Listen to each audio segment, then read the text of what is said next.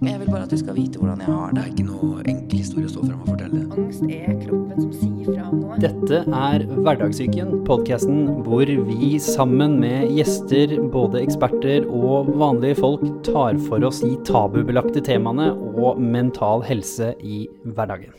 Velkommen. Velkommen til alle sammen som eh, ser på, til Hverdagssyken live, som dere veit, men kanskje noen ikke veit. Det er ikke alle som liker å lese. Jeg har ADHD, så jeg er skyldig i det. Av da at vi skal dele opp i to. Så i dag på Hverdagssyken live på selveste verdensdagen, så har vi nå først om psyken i hverdagen. Med da disse flotte gjestene, som vi selvfølgelig skal introdusere snart. Og del nummer to, som da begynner omtrent ti på åtte, så har vi da psyken på arbeidsplassen, og hvorfor det er viktig. Så nå skal vi først eh, både dele og synse og drolle litt om hvorfor eh, vi tenker at ting er som det er, og hvordan det skal bli bedre, selvfølgelig. Og dele en og annen erfaring eller to. Så, da er jo selvfølgelig det store spennende spørsmålet hvem i all verden er nå dere for noen folk? Så, kan vi begynne hos deg, da. Ja, jeg heter Kristine. Um, Jeg har vært der et par ganger før, da. Det har du. Um, Men jeg jobber da som psykolog. um, Og ja, hva mer skal jeg si? Jeg, ja. Spiser ikke frokost, det gjorde ingen av oss. nei, nei, jeg spiste ikke frokost i dag. Nei, var- i en dåp tidligere i dag, så da sparte jeg meg til å få skikkelig mye gode snitter. Og, ja, så jeg jobber um, på et sted som heter Alternativ til vold her i Oslo. Og så jobber jeg litt privat også ved siden av. Ja, for du var jo med i den episoden hvor vi snakket om både det private og det offentlige, så du Ja. måte har, har jo den muligheten til å se det fra to perspektiver. Og i tillegg alternativ til vold, som er litt mer sånn organisasjonsstemning. Altså, uh, Den episoden jeg var med i da eh, sist, så jobba jeg i sykehuset. Så da jobba jeg i spesialisthelsetjenesten. Så det er litt nyere at jeg har gått over til alternativ til vold. Ja, Ja, Så det er nytt siden sist. Det liker vi. Nye erfaringer. Ja. Fantastisk. Og ved siden av deg så har du Jeg heter Katrine Aspås, og jeg driver eh, landets første emosjonelle treningsstudio. Eh, jobber med følelser. eh, som jeg ikke kunne noen ting om. Lærte ingenting om følelser på Handelshøyskolen i Bergen på 80-tallet.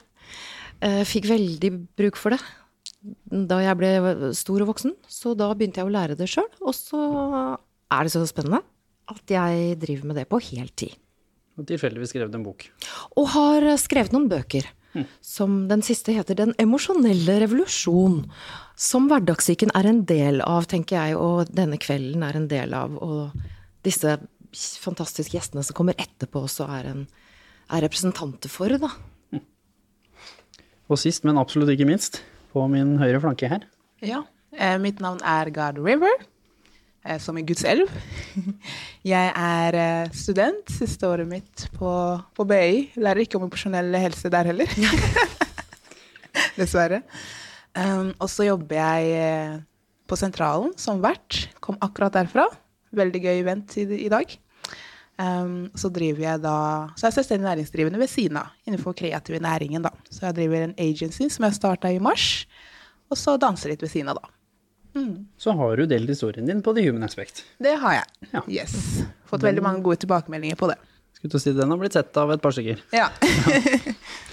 Så der også skal vi få lære bitte litt eh, mer om deg etterpå. Men jeg tenkte først, hvis dere skal si én setning, fordi vanligvis så går vi jo dybden, for da har vi vanligvis veldig mye mer tid i en vanlig episode, men i dag, hvis du skal si én setning om deg selv som du tenker på en måte ikke har noe med at du er psykolog, hva skulle nå det vært for noe spennende? Um, det vil si at jeg er generelt veldig engasjert, og det gjelder på en måte i alle felt, på en måte. Um, ja. Elsker å lære nye ting. Nei, nå ble det mange setninger, da. Ja, nei, Nei, engasjert. Jeg er engasjert. Ja. Eh, jeg eh, elsker å synge jazz. Ja. Det gjør jeg så mye jeg kan. Og så elsker jeg hunder. Det hadde vi når jeg skulle imitere deg i episoden, så var hunden din hadde veldig mye å si. Det var ikke, jeg var ikke, klarte ikke å catche helt om de ville at du skulle være med, eller ikke. Jo, de er, de er mine personlige trenere og medarbeidere og ja. De er ikke så glad i at jeg synger jazz, men ellers så har vi det veldig fint sammen. Ja, det er nydelig. Fun fact om God River. Jeg er veldig nysgjerrig. Liker å lære nye ting og oppdage nye ting. Nydelig. Og nå skal vi selvfølgelig snakke om psyken i hverdagen. Og hvis vi først skal liksom si litt hva som er status, da. Så det er jo verdensdagen i dag. Eh, status er jo at de siste årene så så vi først en liten spike i f.eks. selvmordstallene. De har på en måte nå stabilisert seg på det som man kaller altfor høye tall. Vi har selvfølgelig også fått en nullvisjon, hva nå enn det skulle bety, men de har nå i hvert fall lansert den. Og så er det jo selvfølgelig nå at vi som jobber i bedriftsfeltet og, og holder foredrag og engasjerer oss inn der, det er jo flere av oss eh, som gjør. Og så den del nummer to etterpå, så får vi jo representanter derfra, har sett at der har det skjedd enormt mye i form av at det snakkes veldig mye mer om det. Men det gjør det vel kanskje utafor jobben òg, holdt jeg på å si. Det er vel ikke sånn at vi bare snakker om det på jobb nå.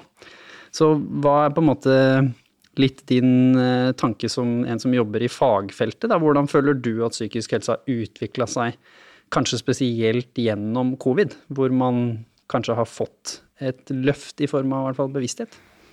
Ja, jeg tenker at det, det er ganske interessant når vi ser på det, fordi det som er litt sånn spesielt med hele den covid-situasjonen, er på en måte at det er noe vi alle stått i, på en måte. Altså det er en stressord som vi alle har vært påvirket av på en eller annen måte, da. Og det blir så tydelig også um, hvor forskjellig den påvirker oss, på en måte. Noen kan kanskje um, gå ut av det her og på en måte bare være veldig glad for at nå er vi tilbake til normalen og, komme ganske fort i gang igjen med hverdagen. Eller, mens for noen vil dette kunne ha satt ganske mye spor, da.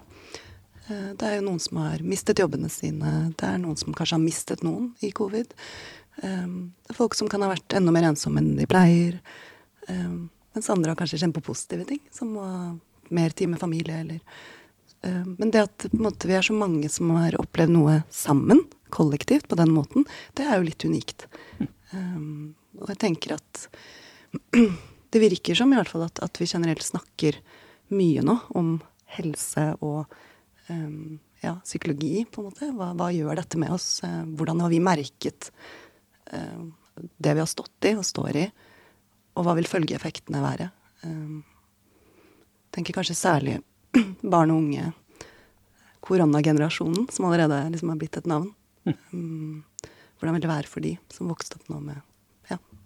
Katrine, jeg husker jo eh, en av dine boklanseringer. Eh, og du har jo på en måte vært litt forut din tid, så du var vel kanskje, når du på en måte pushet dette ut, så var det vel kanskje ikke da så vanlig å snakke om det. Men hvordan har du opplevd de siste årene, du som kanskje starta litt eh, tidligere enn andre? Ja, Altså, jeg har bare lyst til å feire, altså. Fordi at uh, jeg opplever at det skjer så mye. Og jeg I år er det akkurat 20 år siden første gangen jeg droppa en, uh, en sånn børskommentar om kverner i Aftenposten og skrev om uh, psykisk helse isteden. Og da husker jeg at det var så uvanlig. Bare det å skrive om psykisk helse den gangen var sånn der oh. Mens nå så så skjønner vi ah, psykisk helse, ja. Det er jo ikke et problem som vi skal løse. Det er jo en rikdom som vi forvalter, alle sammen, og som vi kan hjelpe hverandre å forvalte. Og jeg tenker bare på forskningen som har skjedd de siste 20 åra. altså Bare forskning på, på hvordan hjernen vår fungerer.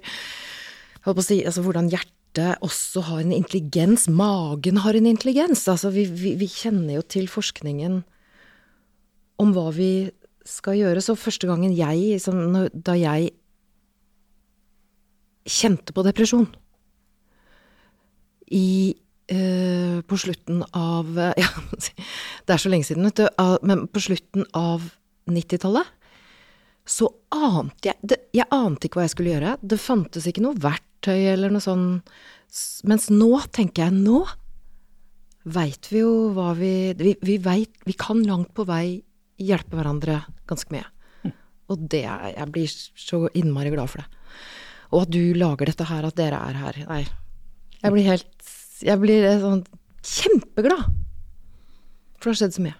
Kristine, er lov å si at eh, holistisk tankegang på en måte har gjort at vi nå kanskje begynner å se fysisk og, eller somatisk og fysisk og psykisk helse litt mer helhetlig? Merker du det i ditt felt også? For jeg vet jo at det er jo noe av det som Katrine og jeg og flere på en måte har kjempet for lenge, men nå virker det som at det kanskje er på vei til å dryppe litt inn hos dere òg. Dere som måtte, har kanskje vært de som har vært eh, late bloomers, hvis vi skal kalle det det, på, på den tankegangen. Mm, absolutt. Jeg tenker det skjedde et kjempeskifte. Um, tidligere var det kanskje litt mer rigid på måte, fokus på ja, hvordan vi skulle tenke Det var blant annet liksom, kognitiv periode, som vi kaller det, hvor det var mye fokus på tanker og uh, hjernen, og kanskje litt mindre ja, på følelser og sånn, som du er inne på. Og nå er på en måte virker som vi vi snakker mer også med andre faggrupper, det var for mitt inntrykk. da, uh, Med ernæringsfysiologer, f.eks. Ok, hvordan påvirker mage og tarm hodet vårt? Hvordan kan det spille inn med depresjon, f.eks.?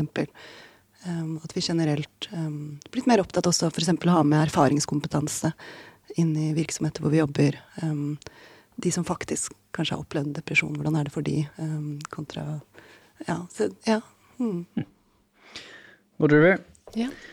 Du som representerer de unge, vi skal kalle oss eh, liksom, Det er jo flere av oss, vi er alle unge. Ja. Men eh, du som på en måte også snakker med mye ungdom, gjennom både jobben du har og det som du har stått i også, er det en bitte litt sånn falsk åpenhet også? For jeg har snakka ganske mye om det, at ja, vi snakker mer om det, nå tenker jeg på den yngre generasjonen, men vi snakker ikke dypt om det. Det er sånn at det fortsatt er fryktelig skambelagt blant eh, generasjonen prestasjon. Selv om de kanskje blogger om at de har angst, og snakker om at de har angst og depresjon, og kanskje kaster ut en ADHD-diagnose her og der, så føler jeg ikke at de faktisk deler hvordan de har det på ordentlig. Ja, det er jo et veldig viktig spørsmål, og det er noe jeg også har tenkt på og snakket med noen venner og ja, diverse folk om. Eksempel det enkle spørsmålet. Jeg har en tendens til å like å spørre folk hvordan har du det i dag, eller hvordan går det? Og da får man ofte det. Det går bra. Da spør jeg går det virkelig bra. Ikke sant? Det er jo blitt en sånn selvfølge. Eh, og så er det sånn, hvis man spør en gang til, så blir det sånn hm, nei. Når du sier det, ikke sant. Å ja, ok, vet du hva, i dag så er det litt vanskelig i dag. Eh, og interaksjon med ungdommer, som jeg har vært eh, i kontakt med eh, gjennom forskjellige organisasjoner og Oslo kommune og sånn, så er det jo Ja, man, det er veldig lett å si Jeg føler liksom i hvert fall depresjon og angst det har blitt to diagnoser som er kanskje litt mer normale, hvis man kan si det. At det er enklere å snakke om det istedenfor f.eks. bipolar eller andre, andre diagnoser og andre ting. da. Eller bare stress, f.eks. Um, at det er um, Som du sier, at det er Hva skal man si? Ja? Det er lett å bare snakke om det, men det ikke, man går liksom ikke så mye i detalj, da. Man må liksom virkelig ta seg tid og sitte og snakke med dem. Um, jeg har jo drevet med dans med ungdommer, da, som et tiltak for, eh, for aktivitet, ikke sant. Eh, komme seg tilbake og få en tilhørighet og en, en community. Um, og da får jeg høre litt forskjellige historier, og det rører meg veldig. Eh, fordi de har kanskje venner, de har familie, eh, de har sosiale medier, ikke sant. Men det er fortsatt den derre skammen, da. Eh, jeg vil ikke at folk skal se på meg rart, eller at folk skal mobbe meg på sosiale, sant? spesielt ungdommen er på sosiale medier hele tiden. ikke sant? TikTok det er jo videoer av folk som legger ut at de gråter eller er veldig åpne, og så blir det mye lashback da, eh, på det. Og du later som for å få følgere, eller du later som for å få oppmerksomhet. Det da, ja, det kommer tilbake på det, da, at er, snakker en person om mental helse for oppmerksomhet, eller er det ekte? Ikke sant? Så du har jo den siden også. Eh, vi har en vei å gå, vi har en vei å gå, men det blir bedre og bedre. Eh, og bare det faktum at det er mer akseptert, eh, at det er flere og flere folk man kan snakke med, det er jo en bra ting i seg selv. Ikke sant? Så føler jeg det har vært den mye spennende diskusjonen også, som er jo litt den derre Har den nye generasjonen blitt svakere? Har det blitt tøffere? Har det, er det lettere? For det er jo lett å tenke at våre foreldre, og spesielt av folk som kanskje har hatt foreldre også som har vært gjennom tøffere ting utafor Norge også, har jo s- sånn objektivt sett, hvis man liksom skal evaluere den dramatiske delen av deres utfordring, så er det jo lett å si at de har hatt det tøffere enn oss. Mine besteforeldre hadde det tøffere enn mine foreldre, og så liksom blir det en sånn veldig sånn enkelt narrativ om at man står i det sånn som man er. Og da er det lett å tenke ut ifra den veldig banale måten å definere ting på, at dagens unge har vært litt mindre resiliente, fordi våre foreldre har beskyttet oss mot utfordringer. Deres hovedmål i livet, for meg, der hvor jeg kom fra på bygda, det var jo at vi skulle få det bedre enn dem. Det var en sånn ganske enkel tanke. Som da i teorien gjør meg jo bitte litt mindre rusta, hvis man ser på det sånn. Men så har jo jeg også snakka ganske mye om at det finnes en nytt spekter av utfordringer her nå som de eldre generasjonen ikke engang aner hvordan. Jeg har jo sagt at hvis jeg var 13 år når jeg sto i min veldig tøffe depresjon og hadde planlagt å ta mitt eget liv, mye pga. mobbing Hadde jeg vært 13 år i dag med sosiale medier og ikke fått den pausen hver gang jeg løp inn og rømte til bestemor eller mamma eller hvor jeg nå gjemte meg, så er jeg ganske sikker på at jeg hadde gjennomført eh, den gangen. Og lenge før. Før jeg gjorde det. Så ja, på en måte det blir for lett å si, men ja, det er jo selvfølgelig visse utfordringer som snakker om liksom, i Maslows pyramide, med at vi har trygghet og sikkerhet og, og et sted å bo og mat på bordet og sånn. Men vi har fått en tilleggsutfordring som er så ny at det er et sosialt eksperiment som på en måte pågår mens vi bor inni det, som da har gitt unge en helt ny dimensjon med utfordringer som foreldrene deres er totalt ute av stand til å hjelpe dem med. Og det føler jeg har skapt en sånn ganske sånn problematisk dimensjon, som gjør at det er jo unaturlig for meg å gå til mamma og pappa hvis jeg er 15 i dag, og spørre dem om hvordan jeg skal ha det bedre med mobbing på Instagram. For hva, hva vet de om det, på en måte? Slett Instagram. Ja, nettopp. Og da skjønner de jo ikke at sletter du Instagram, så blir du mer mobba når du kommer på skolen, for da, har du i hvert fall ikke peiling på hva som skjer. Eller TikTok, da, som kanskje er liksom enda mer eh, inne å kjøre nå. Og her med det generasjonsgapet, du som har jobba med mye ungdom, eh, Kristine, hva, hva ser du at ungdommene kommer med av frustrasjon? Fordi jeg føler at den eldre generasjonen har fått et mye bedre emosjonelt språk. Jeg kan lettere snakke med pappa, mamma, bestemor, altså eldre folk, om psykisk helse nå enn for 20 år siden. Så de har blitt flinkere til å snakke om det, men jeg kan ikke snakke om det. For de skjønner, de skjønner det jo ikke. Nei, jeg tenker at det er nettopp det der med um, det at du skal være konstant pålogga. Eller du, du um, Ja, du kan ikke gjemme deg, litt som du beskriver det. Det med det kunne løpe inn døra til bestemor, eller uh, Det er der konstant. Et sånn kontinuerlig press som um, uh, og, og hvor du alltid kan se hva du går glipp av, ikke sant. Tidligere så var det kanskje sånn at um, det, det var fester, men du visste ikke om de, på en måte. Mens nå kan du alltid eh, se at der er den festen jeg ikke ble bedt på, eller nå sitter jeg her alene. Og så, og så er det jo det her med Særlig med sosiale medier, da, så er det jo det der med at eh, det er så nytt, på, eh, nytt fenomen, på en måte. Og, og det er vel Fanny Ducker, tror jeg, på Universitetet i Oslo i hvert fall, har forsket en del på dette og ser jo at altså dette er eh, det, ja, Jeg tror vi kommer til å se mye av det i fremtiden, hvor mye det egentlig påvirker oss. og Um, og ja, hvor skadelig det kan være, da, den psykiske helsen, og spesielt noen type sosiale medier. Også. ja. Mm. Du i ditt intervju delte veldig mye om prestasjonspress, og, det er jo én stor bolk her i hva som på en måte veldig mange kjenner på nå. Og det gjelder like mye min alder og oppover, på en måte sånn sett, men at de unge kanskje, som du sier, er konstant pålogga, og den derre at man sammenligner seg med hele verden. Når jeg vokste opp, for å ta noe så enkelt som idrett, så var det jo om å gjøre å komme på kretslaget. Da måtte du være best i din bygd for å komme inn på kretslaget, og så var du god på kretslaget, så ble det landslaget. Mens nå kan du spille et, et online-spill som tiåring og være på en verdensranking. Så jeg vil allerede føle at jeg grusa jo bestekompisene mine for to år siden, men jeg er fortsatt nummer 1 milliard 200 og et umulig tall å huske, så jeg er fortsatt ubrukelig. Fordi jeg er ikke god nok. Hvordan er det på en måte dette påvirka deg, hvis du skal dele en liten historie fra, fra eget liv om hvor mye det det derre at du trodde at alle andre var flinkere enn deg, plaga deg til å kanskje pushe deg selv hardere enn det du kanskje hadde trengt, da. Um, jeg tror for meg når det gjelder prestasjon, um, eller prestasjonsangsten som jeg utvikla, da, eh, det var mer på meg selv.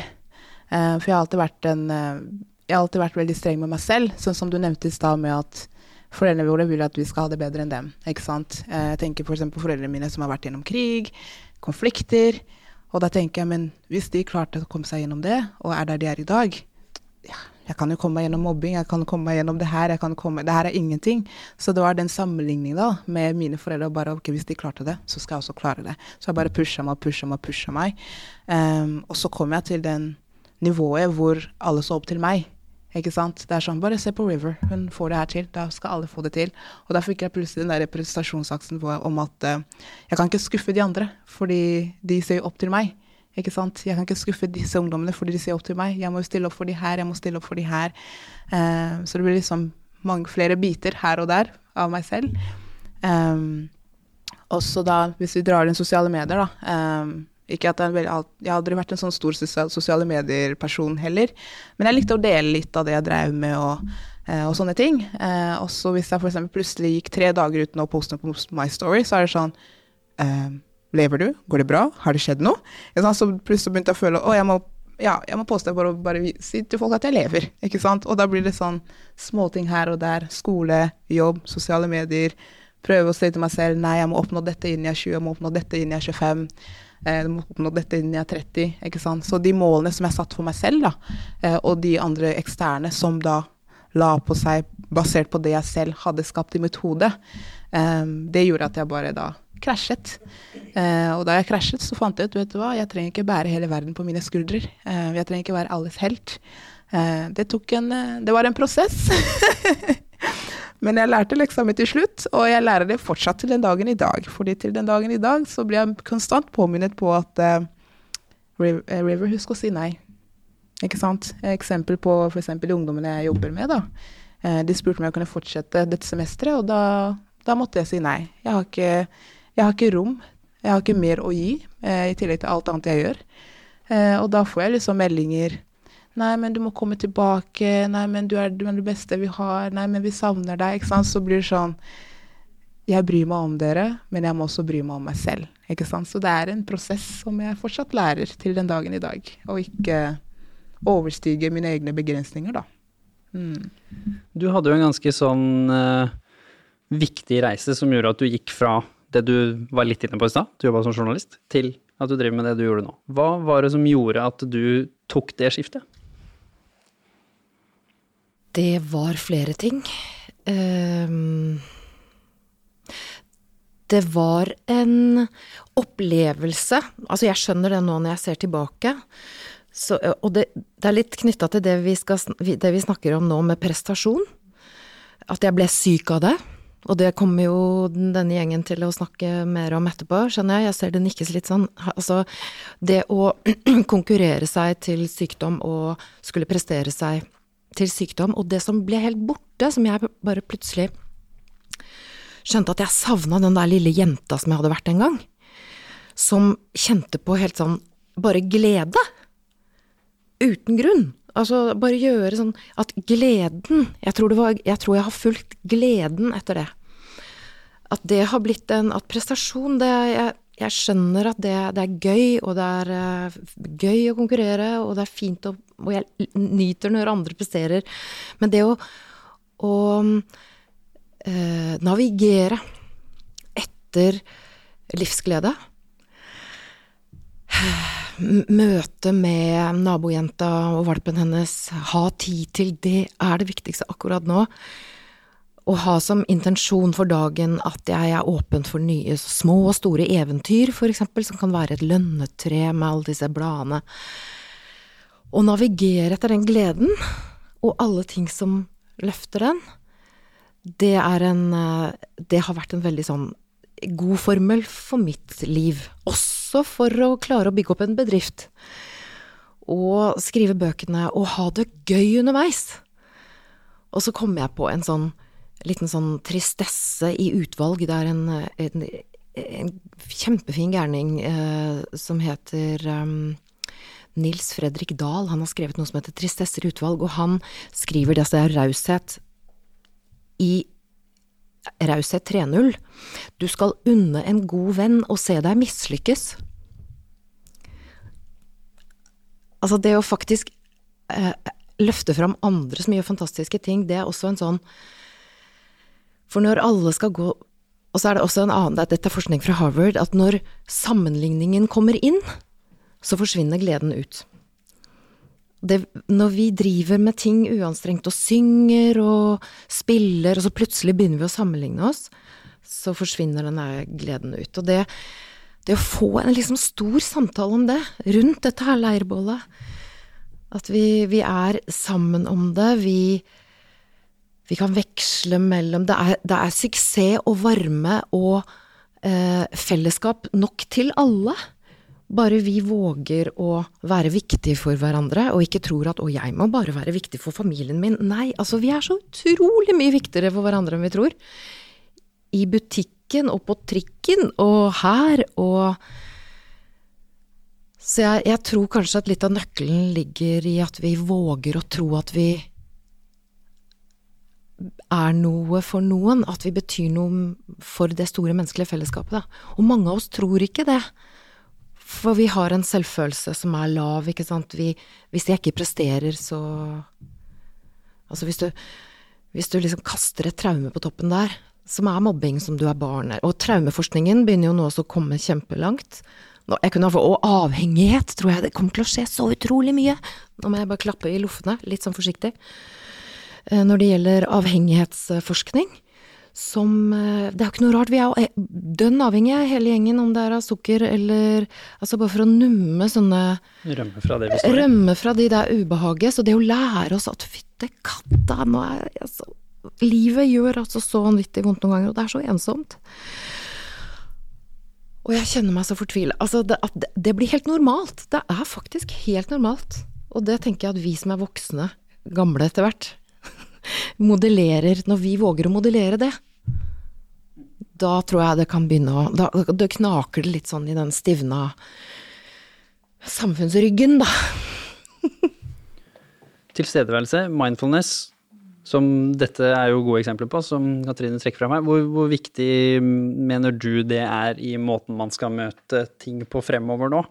At i en verden hvor vi til og med finnes forskning på unge mennesker som, som er fragmentert fordi de lever i virkeligheten til noen andre gjennom sosiale medier, og selv eksisterer gjennom snaps og på en måte TikToks og videoer og hva nå enn. Men også hvor det er veldig høyt tempo. Uansett om man er veldig aktiv på sosiale medier eller ikke, så er det veldig høyt tempo. Og da er det jo fravær av tilstedeværelse i nettopp det. Så hvor viktig tenker du nettopp det er, uansett om man da går og nyter et møte og har rom til den dype, gode samtalen, om det er med en venn eller på butikken, eller om det da faktisk er snakk om meditasjon og de mer på en måte de praksisene der, da.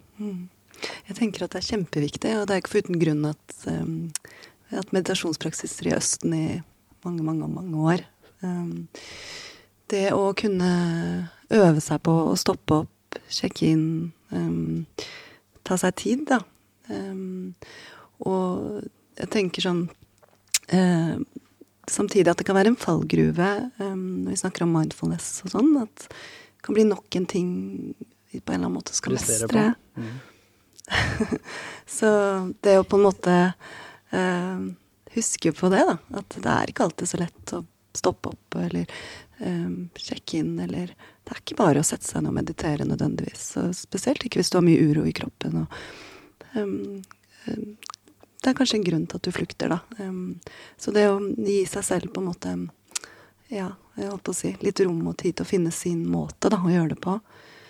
Så tror jeg, i hvert fall sånn som jeg ser i klinisk praksis, så er det jo veldig mange unge i dag har vokst opp med ekstremt emosjonelt tilstedeværende foreldre som kan masse om følelser. Det kan være barn av terapeuter og um, Men det kan igjen bli en slags um, ehm, Det kan legge mye press, da. Ikke sant? Ikke intensjonelt, men at uh, jeg ser jo hva alt det mamma og pappa får til, på en måte.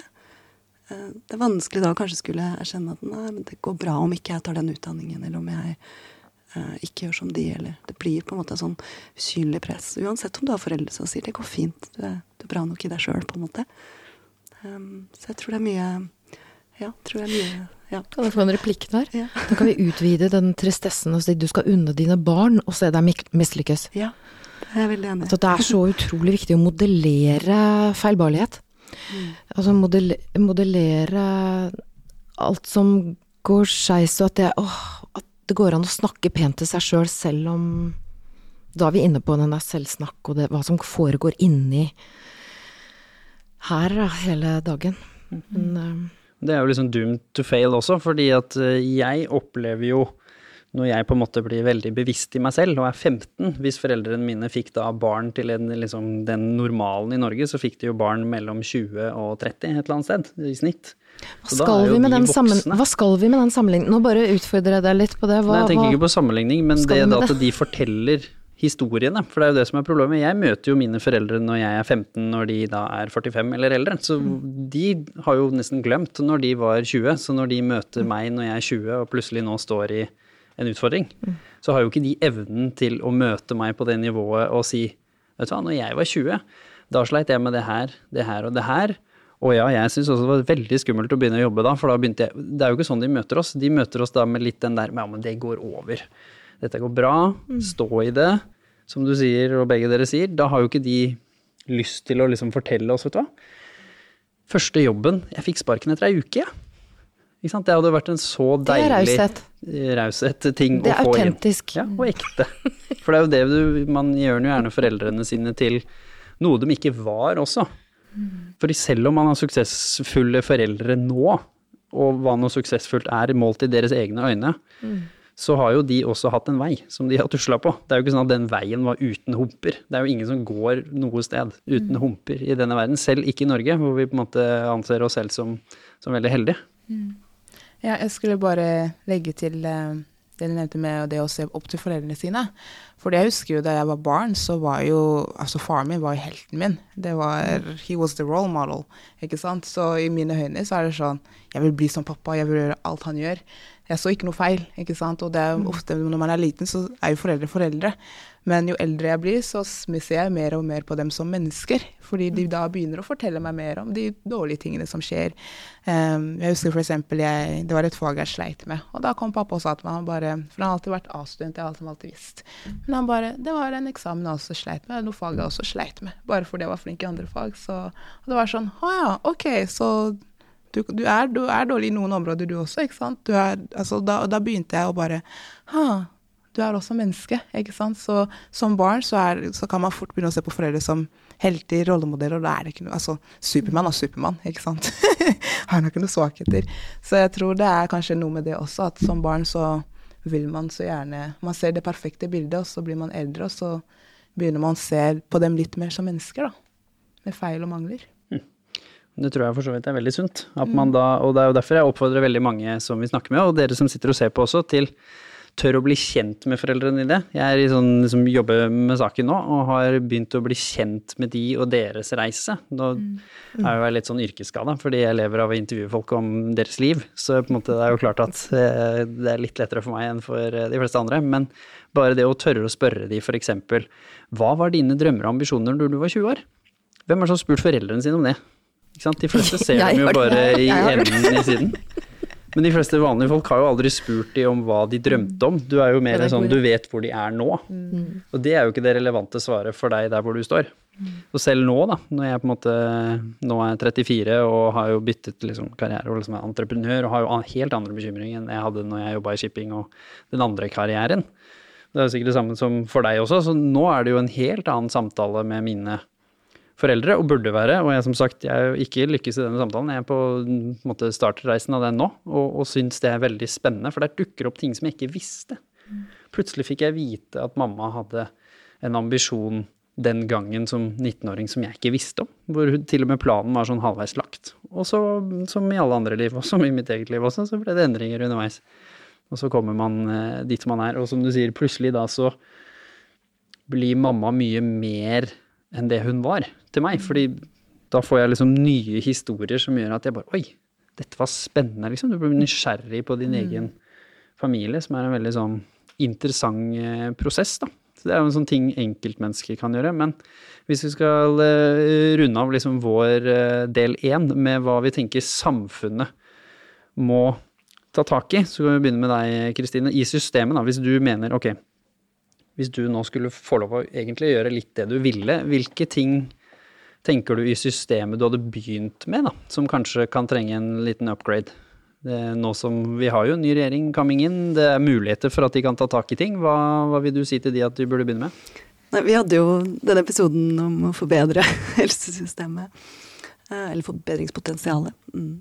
Så jeg kunne jo snakka evig lenge om det, da. Men, men, eh, men det å generelt eh, prioritere dette, ikke sant. Eh, Dette med folkehelse. Altså forebyggende arbeid, men også i behandling. Altså ute i DPS-er og BUP-er rundt omkring. Altså det å um, ha fokus på god behandling. um, istedenfor telling, for å si det sånn.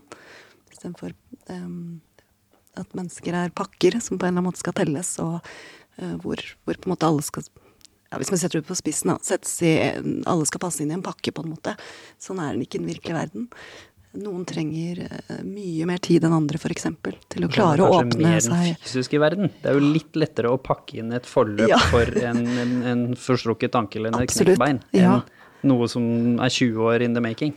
Ja, og så, så er det sånn, i hvert fall mitt inntrykk er jo at for noen eh, passer en sånn type eh, modell godt. Hvis du har eh, et visst ressursgrunnlag og kan nyttiggjøre deg eh, av kanskje den terapien på ti timer eller hva enn det er. Men det er veldig veldig mange som faller utenfor, og det er de mest sårbare gjerne.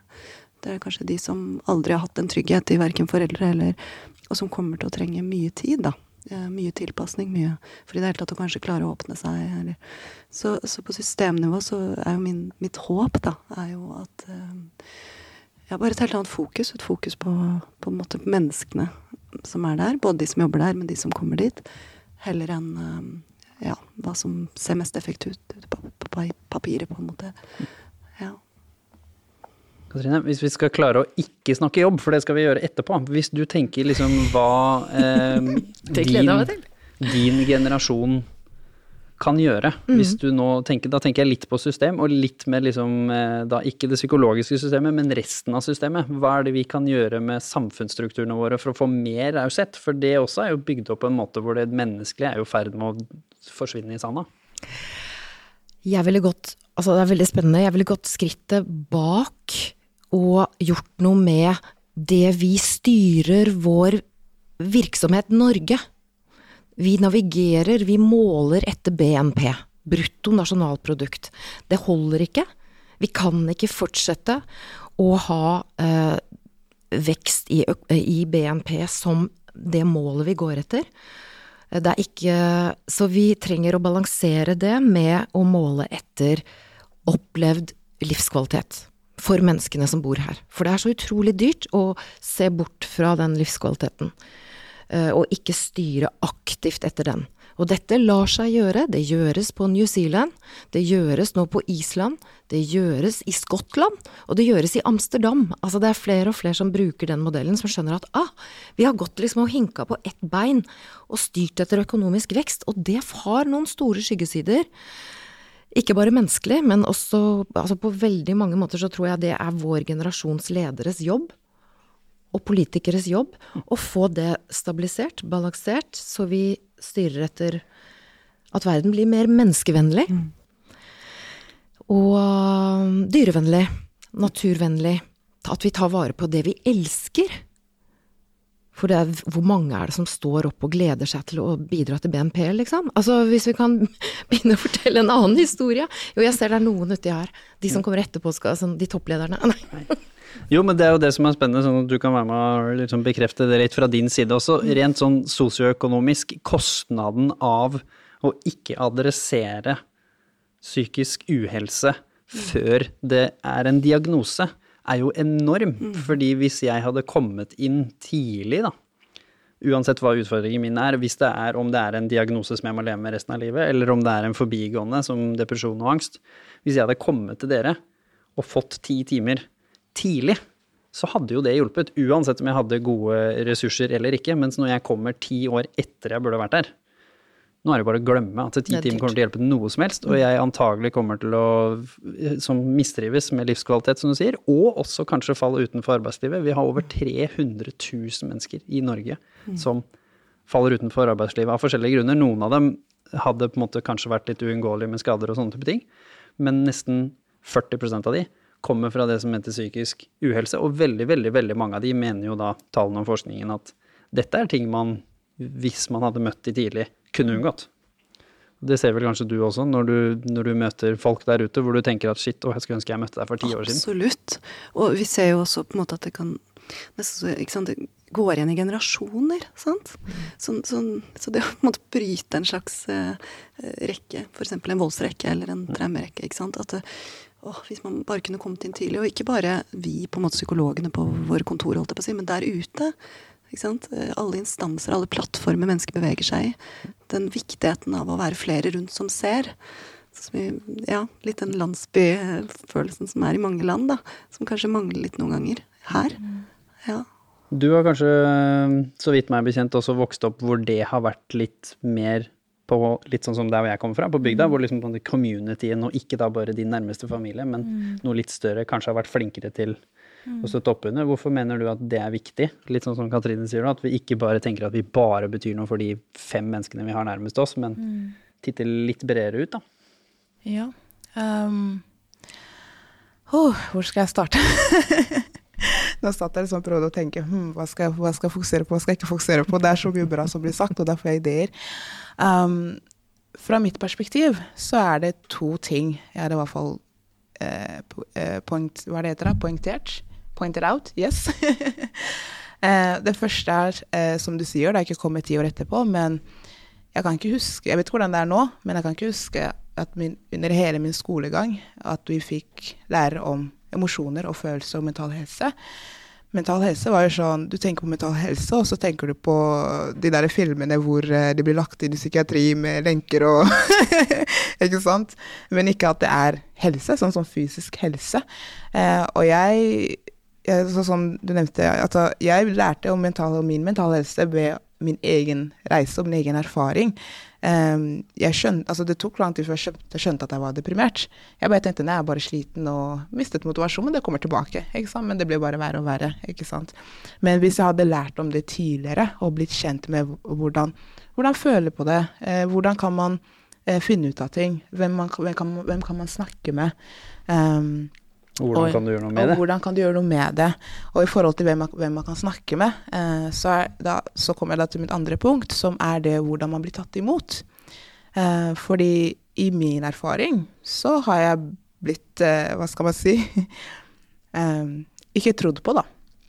Ikke sant? Eh, jeg husker eh, første gang jeg søkte om arbeidsavklaring, for jeg, jeg hadde lyst til å redusere arbeid.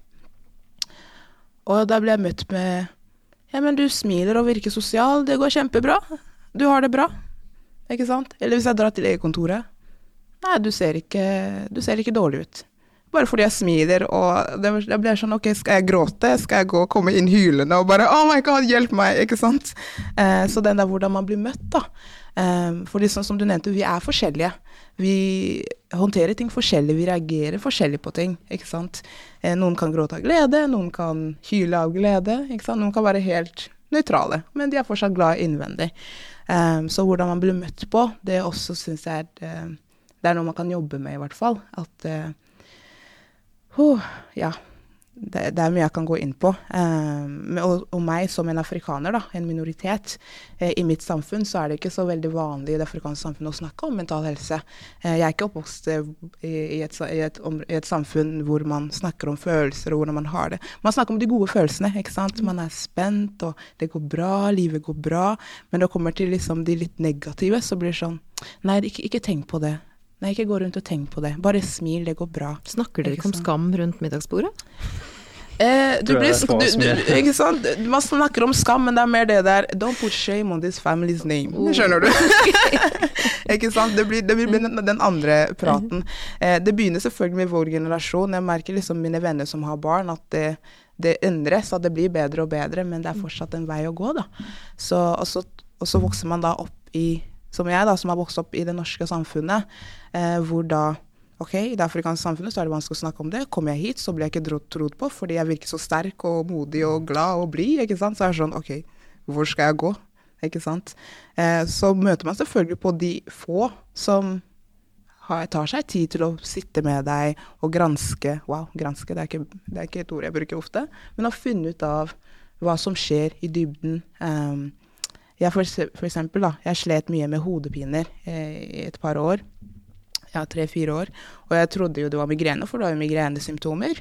Eh, så fikk jeg en ny lege nylig, og fant ut at det var mangel av D-vitamin, eh, kombinasjon av stress, og da ble jeg sykemeldt en periode. Jeg bare følte meg som en ny person. Og det er bare Å ja, ikke sant? Men tidligere så har jeg bare fått smertestillende. Ta smertestillende, så går det bra. Ikke sant. Så hvordan man blir møtt på skolesystemet, hvordan vi vokser opp og hva vi blir lært gjennom fra barndommen oppover, ikke sant. Og hvordan samfunnet også, og de community vi er i, da, hvordan de tar oss imot. Det, det har en stor påvirkning, da. Nydelig. Og jeg tenkte jeg skulle bare avslutte med at jeg også tenker at det er viktig at vi får flere mennesker mellom Kristine og ingenting, på en måte. Så når vi nå får inn livsmestring, det er fint, man får opp det emosjonelle språket, men at vi også har miljøterapeuter, vi har lærere, vi har, vi har prester, imamer, vi har folk som jobber med det frivillighet, vi har studenter fra psykologistudiene som er ute, som er frivillige, ungdomsklubber, aktivitetsklubber. altså at det finnes forskjellige nivåer hvor man blir møtt, som du sier, og hvor når du blir møtt, så er man litt mer kompetent enn det var man for 20 år siden på dette feltet. Da kan vi begynne å snakke, fordi fryktelig mye av psykisk uhelse kan og bør takles av andre enn psykisk helse og psykiatrien.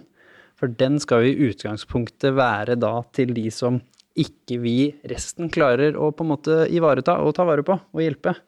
Og de som på en måte sklir imellom. Det er jo derfor systemet har laget. Så vær så god, der står det flotte systemet.